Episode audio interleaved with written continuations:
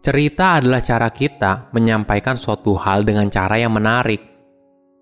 Halo semuanya, nama saya Michael. Selamat datang di channel saya, Sikutu Buku.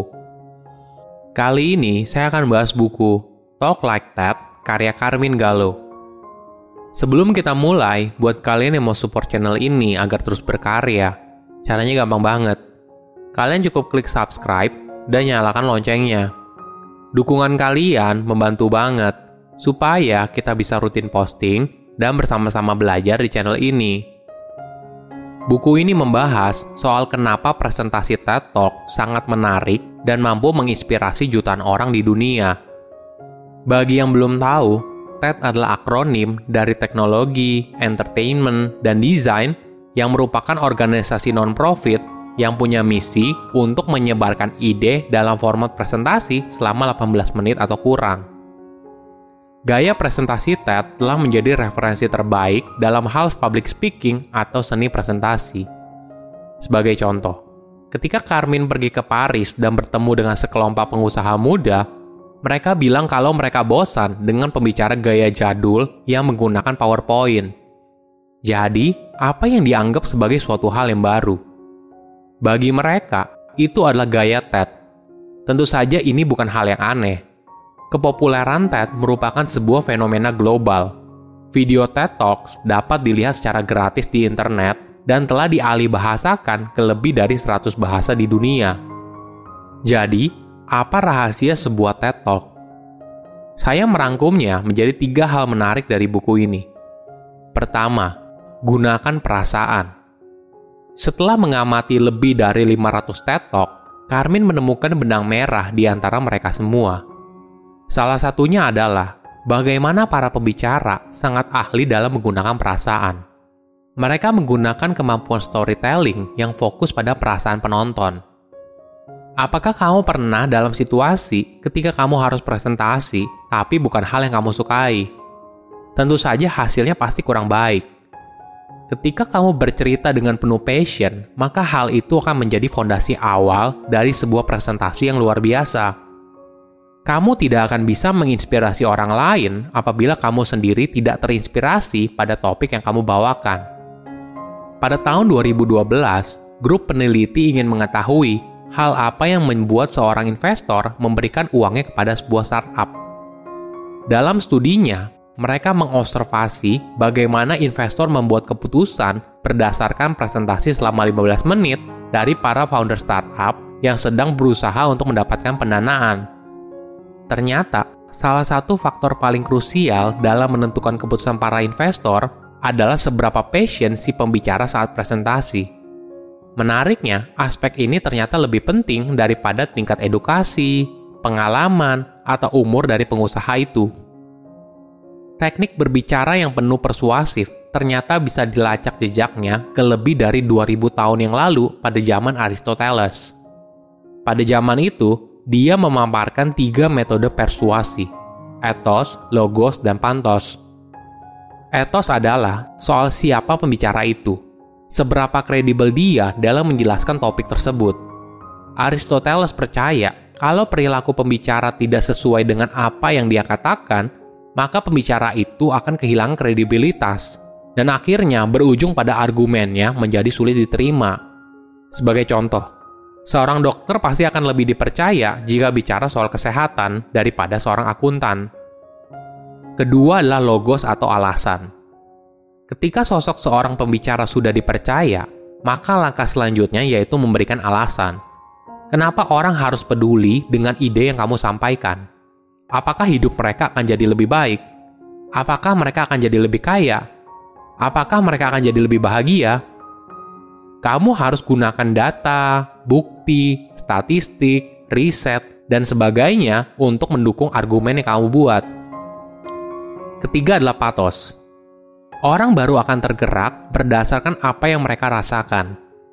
Aristoteles mengatakan kalau cara terbaik untuk mengugah perasaan seseorang adalah melalui sebuah cerita yang pada akhirnya mampu menghubungkan seseorang satu sama lain dan menciptakan hubungan emosional yang kuat. Bagi Carmen, Formula rahasia sebuah presentasi TED Talk yang menarik adalah 65% patos, 25% logos, dan 10% etos. Jadi, sebuah cerita memiliki peran yang sangat penting. Kedua, sesuatu yang baru. Otak manusia suka pada suatu hal yang baru. Kita adalah makhluk yang penasaran. Itulah alasan kenapa kita suka membaca berita untuk mengetahui apa yang sedang tren atau hal apa yang terjadi sekarang. Elemen yang tidak terduga, tidak biasa, atau unik merupakan bumbu yang sangat menarik dalam sebuah presentasi.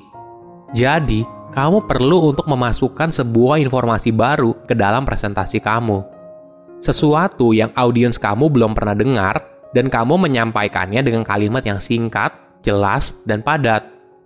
Parameternya seperti ini. Jika kamu melihat wajah aha moment di audiens kamu, maka artinya kamu berhasil. Sebagai contoh, seorang penjelajah laut dalam bernama Robert Ballard memberikan argumen kenapa kita harus mengalokasikan uang lebih banyak untuk eksplorasi laut dalam. Ada dua fakta menarik yang dia bagikan. Pertama, anggaran tahunan Badan Luar Angkasa NASA setara dengan anggaran National Oceanic and Atmospheric Administration selama 1600 tahun. Kedua, gunung tertinggi di bumi tidak berada di daratan, tapi berada jauh di laut dalam.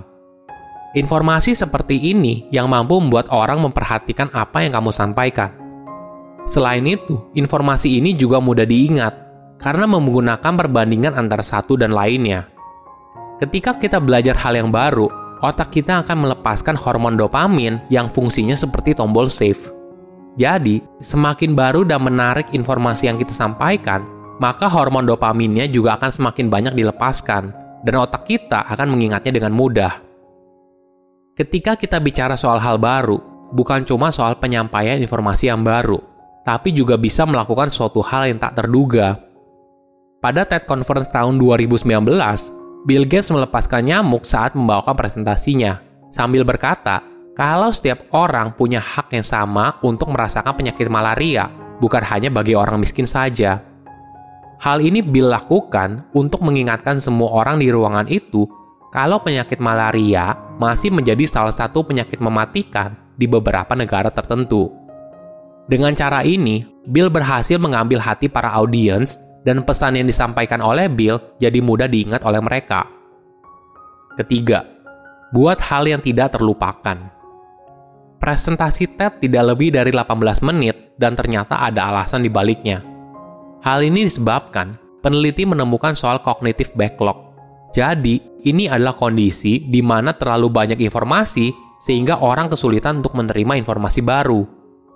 Kurator TED, Chris Anderson, pernah bilang kalau 18 menit merupakan waktu yang cukup untuk menyampaikan sesuatu yang serius, dan waktu yang cukup pendek untuk menjaga perhatian penonton. Selain durasi, poin penting lainnya adalah soal media presentasinya. Banyak presentasi TED tidak menggunakan slide presentasi, tapi ketika mereka menggunakan slide presentasi, maka kita tidak akan melihat bullet points. Slide presentasi yang ditampilkan biasanya berupa gambar, animasi, atau tulisan singkat Hal ini disebabkan slide tersebut hanya merupakan alat bantu visualisasi, sehingga ide yang disampaikan menjadi lebih hidup. Jika kamu tidak suka pakai slide presentasi, kamu bisa menggunakan kalimat deskripsi. Coba bayangkan, kamu sedang berada di pantai yang indah. Kamu sedang berjalan di atas pasir tanpa alas kaki. Cuacanya sedang hangat, dan kamu merasakan sinar matahari menyentuh kulit kamu kamu juga mencium aroma laut yang khas, lengkap dengan suara burung di pagi hari dan riuh ombak yang menenangkan jiwamu. Itulah cara kamu untuk menarik audiens ke dalam cerita yang ingin kamu sampaikan. Terakhir yang paling penting adalah jadi dirimu sendiri. Menjadi original adalah hal yang paling penting. Audiens kamu akan sadar ketika kamu menjadi orang lain di atas panggung. Menjadi pembicara yang handal merupakan keahlian yang bisa dipelajari. Jadilah dirimu sendiri dan gunakan cerita untuk membuat sebuah presentasi jadi menarik. Silahkan komen di kolom komentar pelajaran apa yang kalian dapat ketika baca buku ini. Selain itu, komen juga mau buku apa lagi yang saya review di video berikutnya. Saya undur diri, jangan lupa subscribe channel YouTube Sikutu Buku. Bye bye.